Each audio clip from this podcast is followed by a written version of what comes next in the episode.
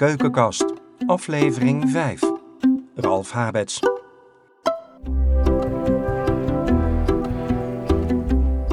In de keukenkast duiken we de keuken in met een achttal hobbykoks. Allemaal hebben ze een visuele beperking. Maar dat belemmert ze niet om de lekkerste gerechten op tafel te zetten. Welke hulpmiddelen en trucs ze daarvoor gebruiken, dat hoor je in de keukenkast. Voor aflevering 5 reist Sander af naar het Limburgse Sittard om een kijkje te nemen in de keuken van Ralf Habets. Ralf is 42 en als centraal medewerker advies, preventie en selfcare werkzaam bij Koninklijke Visio. Hij houdt zich onder andere bezig met landelijke besluitvorming en het Visio kennisportaal. Daarnaast leest hij veel en schrijft hij columns. Van zijn hand verscheen een paar jaar geleden de bundel Blik op scherp. Het boek is een bundeling van columns die hij door de jaren heen schreef over het leven met een visuele beperking. Aan de grote tafel in zijn ruime woonkamer, annex keuken, beginnen we met de vraag hoe de fascinatie voor koken bij hem is ontstaan. Als klein kind was ik al altijd bij mijn moeder in de keuken te vinden. Ik speelde vroeger met een kom en elastieken en een mixer. En in de zandbak eh, was ik altijd bezig met, uh, met taartjes bakken en dat soort dingen allemaal. Ja, en ik heb daar eigenlijk altijd iets mee gehad. Ik ben toen ik zes was naar schoolinternaat gegaan. Dat was toen nog in die tijd. En ook daar was ik altijd iemand die in de keuken van niks iets wilde maken. Ja, goed, op internaat zeker in die tijd werd je wel gedwongen om vrij snel volwassen te worden. Dus ik weet dat mijn allereerste sessie, het bakken van gehaktballen, toen wilde ik mijn moeder nadoen. En mijn moeder die, eh, die doet altijd bij haar ballen gehakt. Als die dan bijna gaar zijn, doet ze daar eh, uitjes bij om ook een lekkere jus te krijgen. Maar ik begon destijds met het bakken van de uitjes alvorens ik de ballen gehakt in de pan deed. nou ja, dan weet je wat er gebeurt. Hè? Dan heb je dus koolzwarte uien tegen de tijd dat je gehakt uh, gaar is. En zo weet ik ook nog een hele leuke anekdote. Toen was ik alweer iets ouder, was ik een jaar of 16, 17. Toen ging ik voor het eerst lasagne maken. En uh, bij lasagne is het natuurlijk zo dat je eigenlijk altijd moet beginnen met uh, een beetje saus. En dat je vooral ook moet eindigen met saus. Nou, ik was dus onder in de schaal begonnen met de bladeren. En ik was geëindigd met bladeren. Nou, dan krijg je ook beton, kan ik je vertellen. Die, uh, ja, dus zo zie je dat je toch ook van dingen uitproberen ook wel heel veel leert. Dat doe je daarna nooit meer fout. Nou, dan ga je gegeven moment echt op jezelf wonen. Ja, dan wordt het niet meer spelen, maar dan wordt het een moetje. Dan kom je ook op een leeftijd dat je denkt van, hm, nou moet het echt. En nou moet het ook iedere dag. En wat heel erg kenmerkend is van nu ten opzichte van toen, hè, toen ik 23 jaar geleden ongeveer echt op mezelf ging wonen, toen was het nog echt een kunst om eh, dingen te, te kopen voor een eenpersoonshuishouden. En inmiddels is dat eigenlijk gewoon helemaal niet meer, want inmiddels is er ontzettend veel op de markt voor een eenpersoonshuishouden. En er is ook ontzettend veel op de markt om koken uh, makkelijker te maken. Hè, er zijn heel veel gesneden producten, uh, kant-en-klare producten. Je moet je afvragen, wil je dat altijd gebruiken? Maar je kunt eigenlijk op dit moment alle kanten op. Je kunt kiezen voor, uh, ik pak even een ui als voorbeeld. Je kunt een net uien zeg maar, krijgen. Je kunt ook één ui of twee uien of drie uien. je kunt ze geschild, gesneden in stukjes of in ringen. Je kunt ze zelfs ingevroren krijgen. Soms krijg ik ook tips. Ik heb natuurlijk ook wel wat mensen in mijn omgeving die ook wel iets hebben met koken en met eten. En mijn moeder, die, uh, ja goed, wij, wij, doen ook veel samen. Hè. Er zijn ook bepaalde dingen, ja, die vind ik dan toch nog wel wat lastiger of wat ingewikkelder. Omdat ik eigenlijk drie keer heb leren koken. Hè. Ik heb eigenlijk eerst leren koken met een stukje restvisus. Uh, toen heb ik leren koken met nog minder visus. En toen heb ik leren koken als blinde. Wat ik zelf heel belangrijk vind, zowel vanuit mijn werk bij Visio als voor mij als privépersoon, is Koken moet als je blind bent leuk zijn. Het moet makkelijk zijn. Het moet lekker zijn. Um, ja, ik hoor helaas heel veel mensen die uh, het lastig vinden om te koken, wat ik heel goed snap. Uh, die dan heel snel teruggrijpen naar ik gooi maar wat snacks in een airfryer. Ik, ik snap dat, het is natuurlijk ook gewoon heel erg lekker. Maar als je dat uh, dagelijks doet, hè, kijk, als je blind bent, is bewegen al vaak niet zo heel erg makkelijk. Gezond eten hoeft helemaal niet moeilijk te zijn. Uh, je kunt eigenlijk met vrij weinig handelingen kun je toch een hele lekkere, gezonde maaltijd op tafel zetten. Nou, en dat gaan we dus vandaag doen. Hè, want, uh, nou ja, ik ga de, vraag maar stellen, wat gaan we vandaag maken? We gaan vandaag gewoon heel lekker gezond Hollands eten. We gaan lekker gehaktballetjes of gehaktballen eten met aardappelpuree en boontjes. Klinkt als, uh, als werkbaar. ja, moet te doen zijn, uh, toch? Ja, dat moet toch wel lukken. Um, en, en nou ja, goed, je hebt dus de spullen al, uh, al in huis gehaald. Ja, in dit geval ben ik ze vrijdag even gaan halen met mijn moeder. Maar ik had ze ook online kunnen bestellen. Maar ik heb de spullen al in huis. Heel veel heb ik ook in huis, omdat ik natuurlijk ook gewoon graag kook. dus heel veel kruiden en zo die we gaan gebruiken, ja, dat heb ik gewoon standaard in huis. als je begint met koken, ja, dan kan het ooit wel een een stukje zijn van, ja, welke kruiden heb je nodig? Je, je, je moet dat eenmalig aanschaffen, zeg maar. Een vriendin van mij zegt wel eens gekscherend, uh, jij hebt uh, servies voor een heel weeshuis. Nou, dat klopt. uh, ja, ik heb wel iets met potjes, pannetjes en dat soort dingen. Maar ja, ik vind het gewoon leuk om daarmee bezig te zijn. Dus, ja, maar ik denk dat dat ook wel een goede is om, om hierin mee te nemen. Hè? Van ontdek wat voor jou werkt. Ja, bedoel, dat zeker. heb jij ook gedaan, doe je nog altijd. Ja. En begin ook niet te moeilijk. Hè. Ik ben ook toen ik, zeker toen ik blind werd, ben ik ook weer onderaan moeten beginnen.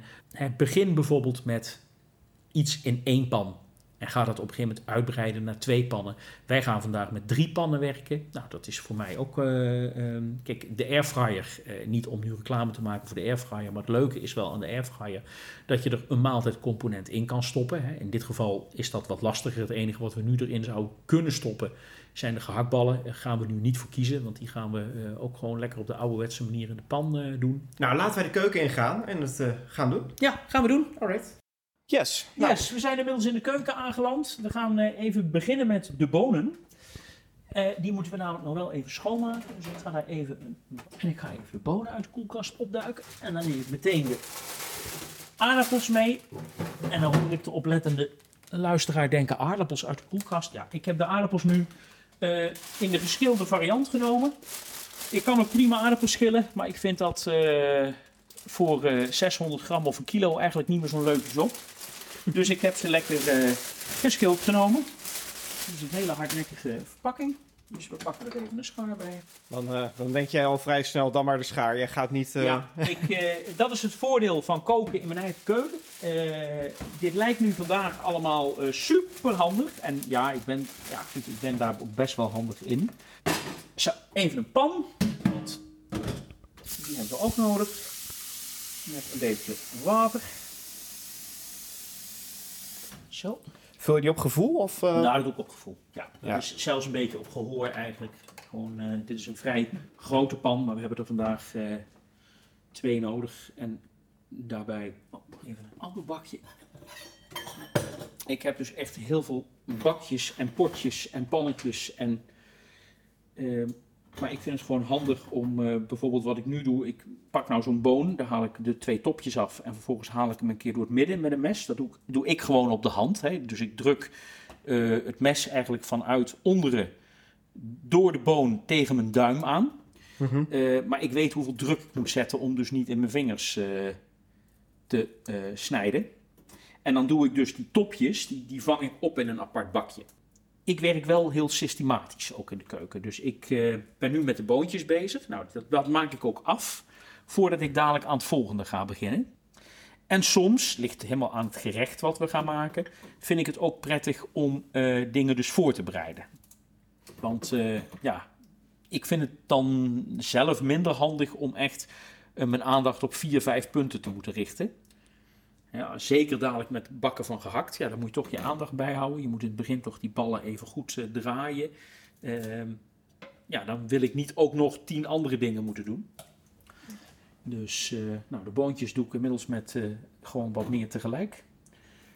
Dan moet je er wel een paar uitzoeken met een beetje dezelfde lengte. En dan kun je er meerdere tegelijk ja, tippen. Mm -hmm. Een vriendin van mij noemt dat boontjes haren. Dat vind ik ook wel een leuke term. Maar dat komt omdat er, een, er zit een draad in. En soms komt die inderdaad mee met het, met het tipje. Nou, dit zijn dus ook dingen, hè, uh, ja goed, hier moet je gewoon de tijd voor nemen. Uh, het gaat niet sneller dan snel. Fijn vind ik wel dat ook alle boontjes door je handen gaan. Ja.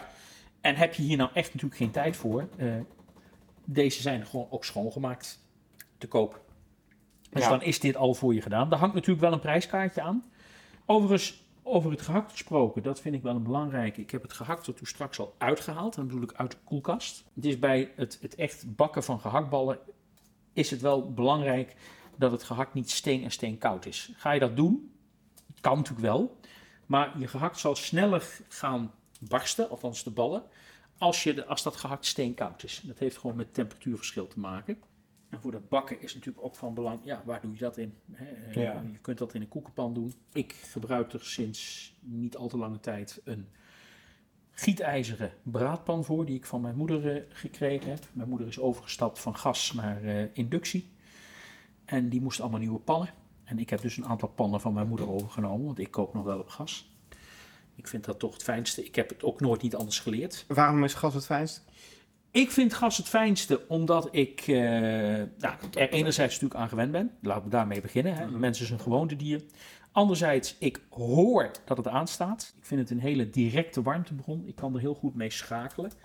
Ik denk dat het hoofdzakelijkste punt is het gewoon gewend zijn op deze manier. Nou, bonen eh, ge, ge, gehaard. Ja, Voor, bonen eh, gehaakt zit inmiddels in een, in een pannetje. Dus eh, nou, die laten we nog heel even voor eh, wat ze zijn. Eh, we gaan even een andere pan pakken. De aardappels. Die zijn namelijk ook alvast klaar. Met koud water. Eh, wat ik zelf altijd fijn vind, is wel ruime pannen. Omdat, ja goed, zeker we willen van de aardappels gaan we puree maken. Dat betekent dat we dus straks ook nog even iets moeten kunnen mixen. Nou, dan kan ik een heel klein pannetje kiezen. Maar ehm, ja, dan heb ik straks weer eh, een te weinig aan pan, zullen we maar zeggen. Nou, dit zijn dus, eh, wat ik vertelde, vorige, voorgeschilde aardappels. Die zijn dus ook wat zachter dan eh, aardappels die je zelf schilt. Dat betekent ook, hè, mensen die toch wel wat vaker koken, die weten dat je aardappels over het algemeen ja, 20 minuten kookt. Je prikt er natuurlijk tussendoor een keer in. Dan moet je met deze niet doen. Als je deze 20 minuten kookt, dan heb je aardappelmoes. Eh, bij dit soort aardappelen is eh, ongeveer eh 12 tot 15 minuten is echt zat. Nou, die zetten we ook vast met aardappels en al op het gas. Nou, dan ga ik even een pan opdiepen die heel ver onderin staat. Dat is namelijk de braadpan die ik dus van mijn moeder heb. Echt een zware gietijzeren ketel.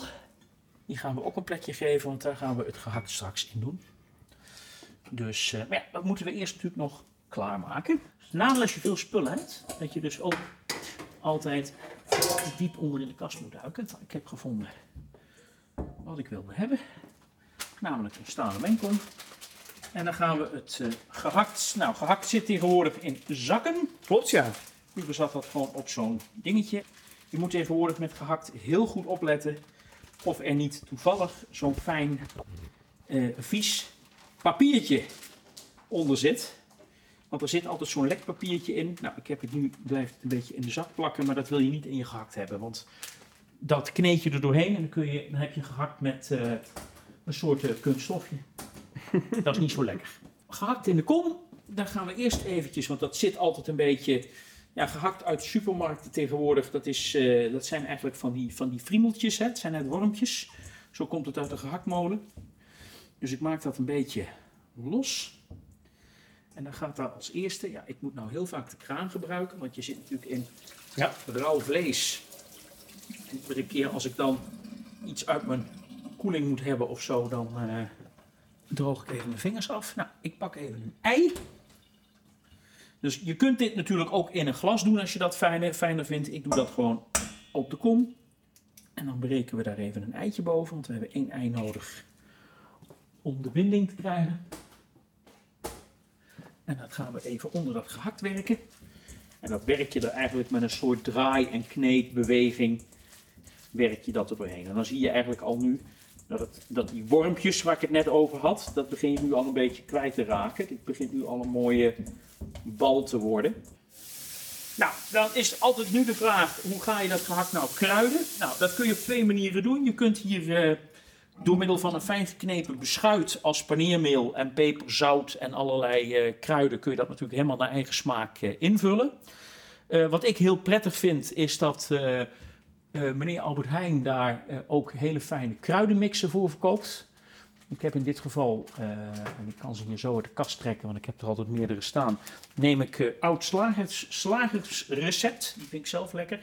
Dat is een zakje, dat is toegerust voor pond gehakt. Wat zit daarin? Daar zitten alle kruiden in en de juiste hoeveelheid paneermeel voor 1 pond gehakt. Nou, wow. dat zakje kan ik er zo ingooien.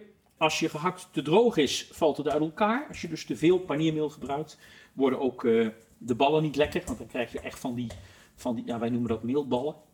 Uh, is je gehakt te nat daarentegen, ja, dat gaat ook niet werken. Gaat het ook uh, uit elkaar vallen, krijg je er ook geen mooie ballen van.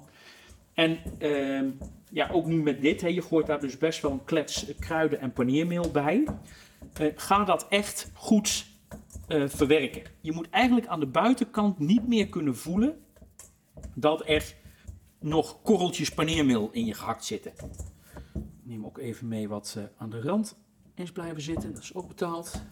Kijk, en wat je op een gegeven moment wil is, ik, kan nu, ik pak nu met mijn hand zo ergens halverwege die bal op en ik kan hem nu eens geheel optillen. En als ik hem laat vallen, hoor je dat. Nou, dat is eigenlijk wat je wil. Want dan heb je een kneedbare bal. Ja, gehaktballen vormen, dat is natuurlijk op zich niet zo heel moeilijk. Je moet een mooie ronde bal krijgen. Maar de kunst is wel om natuurlijk die portie een beetje uh, gelijkmatig te houden. En dat is niet alleen zo van wie wil aan tafel de grootste bal. Dat is niet uh, de hoofdreden. De hoofdreden is natuurlijk als jij een kleine bal hebt, een hele grote en twee middelmaat, dan heb je het risico dat je kleine bal te hard wordt en je grote bal niet graag. Goed, potje, kommetje en ik ga gewoon nu proberen, op gevoel doe ik dat, een kwart van die bal los te trekken. Ja, dat is een beetje gevoelswerk. Nou, en dan ga ik die bal gewoon apart in mijn twee handen, ga ik die weer kneden. Want ik wil dat die bal ook zich, ja, één gaat voelen. Nou, op een gegeven moment heb je dat klaar en dan maak ik eigenlijk een draaiende beweging. Je hoort me dat ook doen. En dat is dus eigenlijk om die barsten aan de buitenkant, om die dicht te maken en ervoor, zorgen dat het, of ervoor te zorgen dat het echt een mooie ronde bal is. En dan leg ik hem op het bord. De laatste twee is natuurlijk al makkelijker. Zoals heel vaak heb ik drie bijna gelijke ballen en eentje die is net iets kleiner. Zo, nou, dat ziet er goed uit. Nou, even dit weer opruimen. Even de handen goed wassen. Die dingen waar rauw vlees in gezeten hebben, die spoel ik altijd wel meteen eventjes goed af.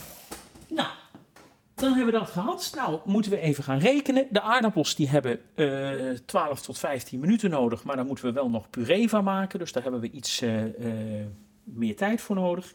Dus die ga ik aanzetten samen met de boontjes. Boontjes hebben op het moment dat ze koken 20 minuten nodig. Dus dit zijn de aardappels. En de gehaktpan gaat nu ook aan. Daar heb je nog niet zo'n boter en zo in gedaan, toch? Nee. Maar voordat zo'n pan, zeker zo'n gietijzeren pan, voordat die warm begint te worden, ja, dat heeft eventjes een tijd nodig. Dus daar heb je best wel eventjes, uh, eventjes de tijd voor. Nou, ik gebruik altijd vloeibare boter. Er zijn mensen die gebruiken ook stuk. Dat, oh, dat kan allemaal. En met gehakt moet je nooit bang zijn om boter te gebruiken. Want gehakt moet echt wel lekker in de boter. Nou, het bord met de ballen we in de buurt. De deksel leggen we in de buurt. En ik pak even een lepel om een vork op te leggen. Dus je denken, dat is dan een zogenaamde boxlepel, dus een plastic lepel. Dan kan ik mijn vork inleggen, die ik dan ga gebruiken om de gehaktballen om te draaien. Dit is de boter die we nu horen? Dit is de boter, ja. Dit, is, nou, dit doe ik altijd een beetje op, uh, op de geur en op uh, gehoor. Uh, boter die aan het, aan het opwarmen is, ruikt namelijk weer anders als boter die op een gegeven moment op kleur is. En gaat dan ook minder geluid maken. Nou, je hoort nu dat het wat rustiger wordt in de pan. Ja. De pan is inmiddels ook nu uh, dusdanig warm dat ik hem dus nu ook niet meer zonder overwanten zou kunnen verplaatsen. Nou, ik pak nu de eerste bal en die leg ik gewoon met de hand zo, leg ik die neer. En die beweeg ik even met de hand door de pan. Dus dit doe ik niet met een vork. En dit doe ik gewoon puur om het feit dat hij dan anders vast gaat zitten aan de bodem. En dat wordt natuurlijk naarmate dat je er meer in gaat doen, wordt dat wel moeilijker. Want op een gegeven moment heb je minder plek. En je moet natuurlijk rekenen op het feit dat het niveau van je boter gaat stijgen. Want overal waar gehakt is, kan geen boter zijn. En nu wordt dadelijk de kunst dat we ze ook gewoon een beetje op de plek laten liggen. Want je moet natuurlijk nu ook gaan bijhouden. Je hebt er vier. Eh, welke heb ik daar nu als eerste ingelegd en welke moet ik als eerste omdraaien? Ik weet dus nu dadelijk, de zijkant is nog zacht, want eh, ja, daar liggen ze nog te kort voor in de pan. De onderkant wordt dadelijk als eerste hard. Dus eh, nou, ik leg nu mijn vinger op de, op de bal aan de bovenkant, mijn wijsvinger. En ik wip met de vork wip ik hem om en ik begeleid hem eigenlijk tot het moment dat ik hem weer kan loslaten. Dan doe ik nu ook met bal nummer 2. Dat ga ik nu doen met bal nummer 3. En die is natuurlijk wat lastiger, omdat ik dan de rand van de pan niet kan gebruiken. Ja, het is gelukt. Dat is even wat lastiger. En deze, die gaat wel weer in één keer. Maar ja, het is dus wel warm. Dus eh, Maar dan heb- is je vinger wel fijn als referentiepunt ook dan? eh, ja, je laat het op een gegeven moment vanzelf los. Ik let er wel altijd een beetje op. Ik ben natuurlijk zelf eh braillelezer. Eh, dus ik kijk wel een beetje ook wat doe ik met mijn duim en wat doe ik met mijn wijsvinger. Want je moet natuurlijk niet je wijsvinger verbranden, want dan kun je geen braille meer lezen. Maar je hoort dus hoe rustig dit bakt. En dat Ja. komt dus echt door dat gietijzer. Ik ga eens even kijken hoe het met de aardappels gaat. Doe ik door even aan de pan te voelen aan de buitenkant. En datzelfde geldt voor de boontjes. Ja, dat begint allemaal eh, nog niet te koken, maar wel op temperatuur te komen. Oh, en dat warm je echt heel rustig op, omdat uh, langzaam Nou, het staat allemaal vol open, maar het zijn natuurlijk eh, best wel pannen met, eh, met water die aan de kook moeten komen. Dus dadelijk ga ik het klein Ja. zetten, maar nu staat alles vol open. En dus ook de temperatuur te halen. Ik ga weer even een, een keertje doen. Dat wordt nu natuurlijk wel iets makkelijker, omdat de ballen wat harder worden. Ik ga het gehakt nu wel iets terugbrengen qua temperatuur, omdat die pan natuurlijk ook gewoon heel heet blijft. Nou, de aardappels die beginnen ook eh, onderin eh, op het kookpunt te komen. Dat voel ik aan het handvat van de pan. Want je voelt in je pan een hele lichte trilling ontstaan. En dan weet je dus dat, je, eh, ja, dat die aan het koken is. Ja, wat je nu hoort is eigenlijk, het vlees komt nu op een dusdanige temperatuur dat het vet uit het gehakt begint te lopen. En dat is wat je hoort. Het vuur onder het gehakt heb ik echt klein gezet. En ik heb inmiddels ook in één beweging, omdat ik dat in één keer voelde dat het ook moest, het vuur onder de aardappels eh, een stuk kleiner gezet. En dat betekent ook dat ik nu even voor een kookwekkertje ga kiezen. En die ga ik even op 15 minuutjes zetten voor de aardappels. En waarom een kookwekker en geen eh Omdat ik dadelijk de Google Timer wil gebruiken voor de boontjes. Ah, oké, ja. Die ook bijna koken nu. Oké Google, timer 20 minuten. Nou, die doet het ook. Goed. Nou, gehakt staat even klein, dus daar hoeven we even iets minder op te letten. Die moet ik dadelijk nog een keer draaien. En dan gaat er eh, water bij. Ehm, ja, we gaan even een, eh, een uitje. Daarvoor pakken we even een pot. Yes, daarin. Een uit. Een houten plannetje. Uit altijd eerst zijn kop eraf. Dan komen automatisch de eerste rokken al mee. De kontje eraf. Nou, en dan kun je hem eigenlijk al bijna met de hand, ik zet dan even het mes onder, kan ik hem zo hup, in één geheel. Nou, dan heb ik hem eigenlijk al uh, ontdaan van zijn uh, een lasje. En dan hak ik zo'n ui, die ligt nou in zijn geheel op mijn plankje. En eerst eventjes door tweeën. En dan ga ik die eerste ja, halve ui ga ik in uh, fijne ringen snijden. Dan gaan we de ballen, die gaan we even weer omdraaien. Nou, daar gaat nu. Dit is puur smaak. Een plankje uien bij. Je hoort het ook direct, hè? Ja. Zet ik hem weer even iets hoger. Nou, die laten we even een beetje glazig worden. Intussen snij ik de ui in snij ik een kwart af. En het andere stukje ga ik in een bakje doen.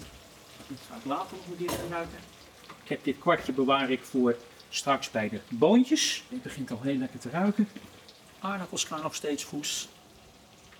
Boontjes gaan nog steeds goed. Het is natuurlijk belangrijk als je dingen aan het koken bent. om ook af te controleren of het blijft koken als je het klein zet. Uitjes die zijn een beetje glazig. Dat ruik je ook. Dan vul ik eigenlijk de deksel van mijn pan oh. met water. Ja. Dan is het altijd even wel voorzichtig doen. Want je gaat water toevoegen aan vet. Jongens, echt. Ik zou er bijna zelf honger van krijgen. En, en nu hoef je bij dat gehaktheid dus niks meer te doen. Dat Nou, je moet hem wel af en toe een keer draaien. Oh, oké, Eh, ja. Want ze liggen natuurlijk nu met de helft boven en de helft beneden. En je moet altijd even in de gaten houden of het water, of er nog voldoende, eh, anders moet je iets bijvullen. Kijk, je kunt er ook voor kiezen om er meteen een halve liter water bij te gooien, maar dan ga je je gehaktballen koken. Nou, ik eh, heb hier nu toch nog even het plankje liggen, dus ik eh werk even nu het, het uitje af. Dat hebben we straks wel pas nodig. Maar dan staat dat klaar. Deze worden straks eigenlijk aangefruit in eh, de boter die ik onder in de bonenpan eh, doe. Water is. eh daar gaat de deksel dansen. Ja. Terwijl die toch gewoon klein staat. Ja, gaat prima. Kijk, en zet je die deksel nu iets schuin, wat ik nu gedaan heb, dan gaat hij dus wel iets vocht verdampen. Ik wil uiteindelijk ingedikte boter overhouden bij mijn voorbezu. Zo, dit zijn de uitjes. En je hebt die vork daar nu niet meer in staan dan eh, bij die ballen. Ik laat nooit vorken in de pannen staan, want eh, die worden kokend heet. Oh ja. Daarvoor dus die, kook, die, die, die kok, kokslepel. Dat is eigenlijk gewoon een plastic hele grote lepel. En daar kun je dus je roerattribuut kun je daar opleggen. Zonder dat het vlekken geeft op je aanrecht.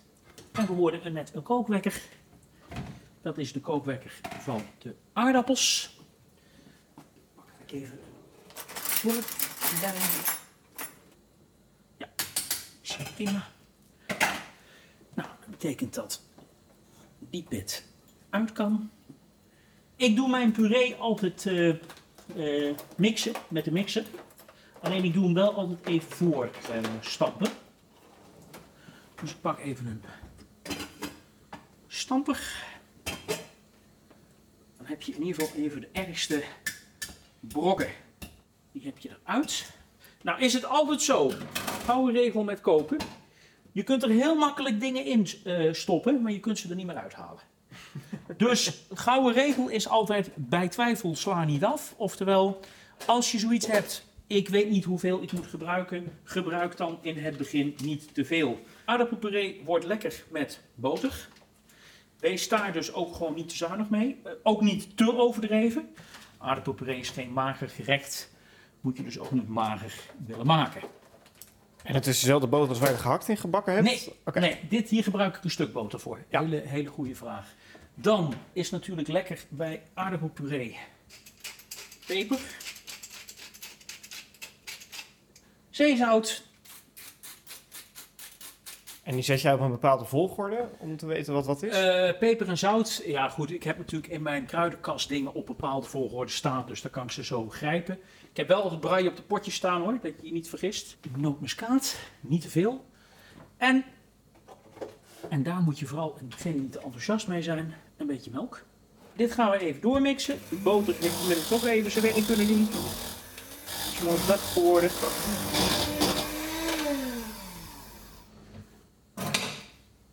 Niks meer aan doen. Mooi. De gehaktballen weer draaien.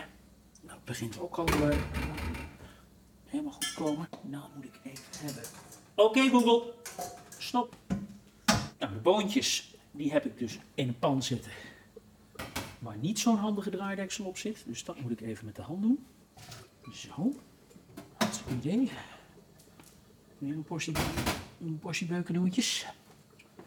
Nou, nou pakken we weer een beetje boter. Kiezen we overigens weer voor het stuk boter. Hè, dus hier gebruik je geen vloeibare boter voor, ik niet.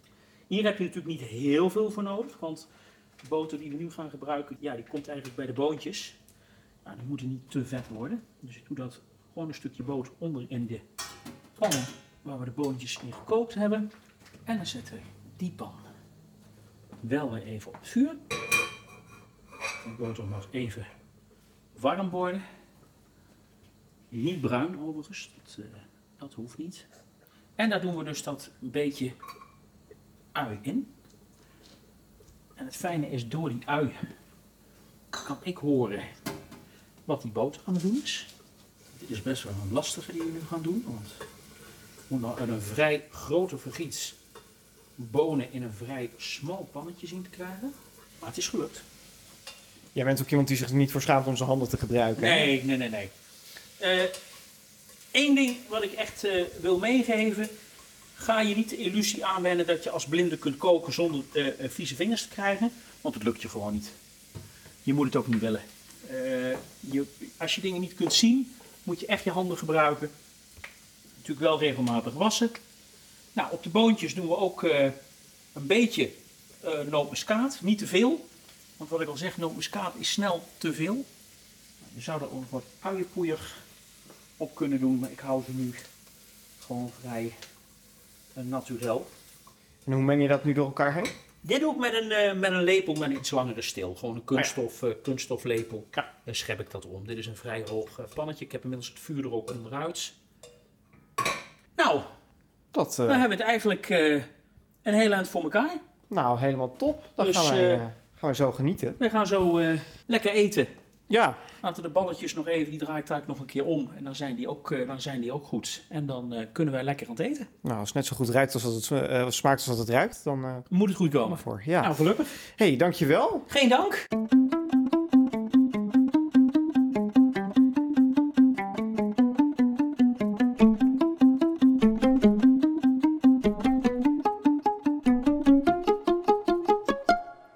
De volgende aflevering gaat Anja van Erp op bezoek bij Yvonne Stip. Samen werpen ze zich op een aardappelsalade. Het recept daarvan vind je, net als alle andere recepten uit de keukenkast, in de kookspecial die in november verschijnt bij Passend Lezen.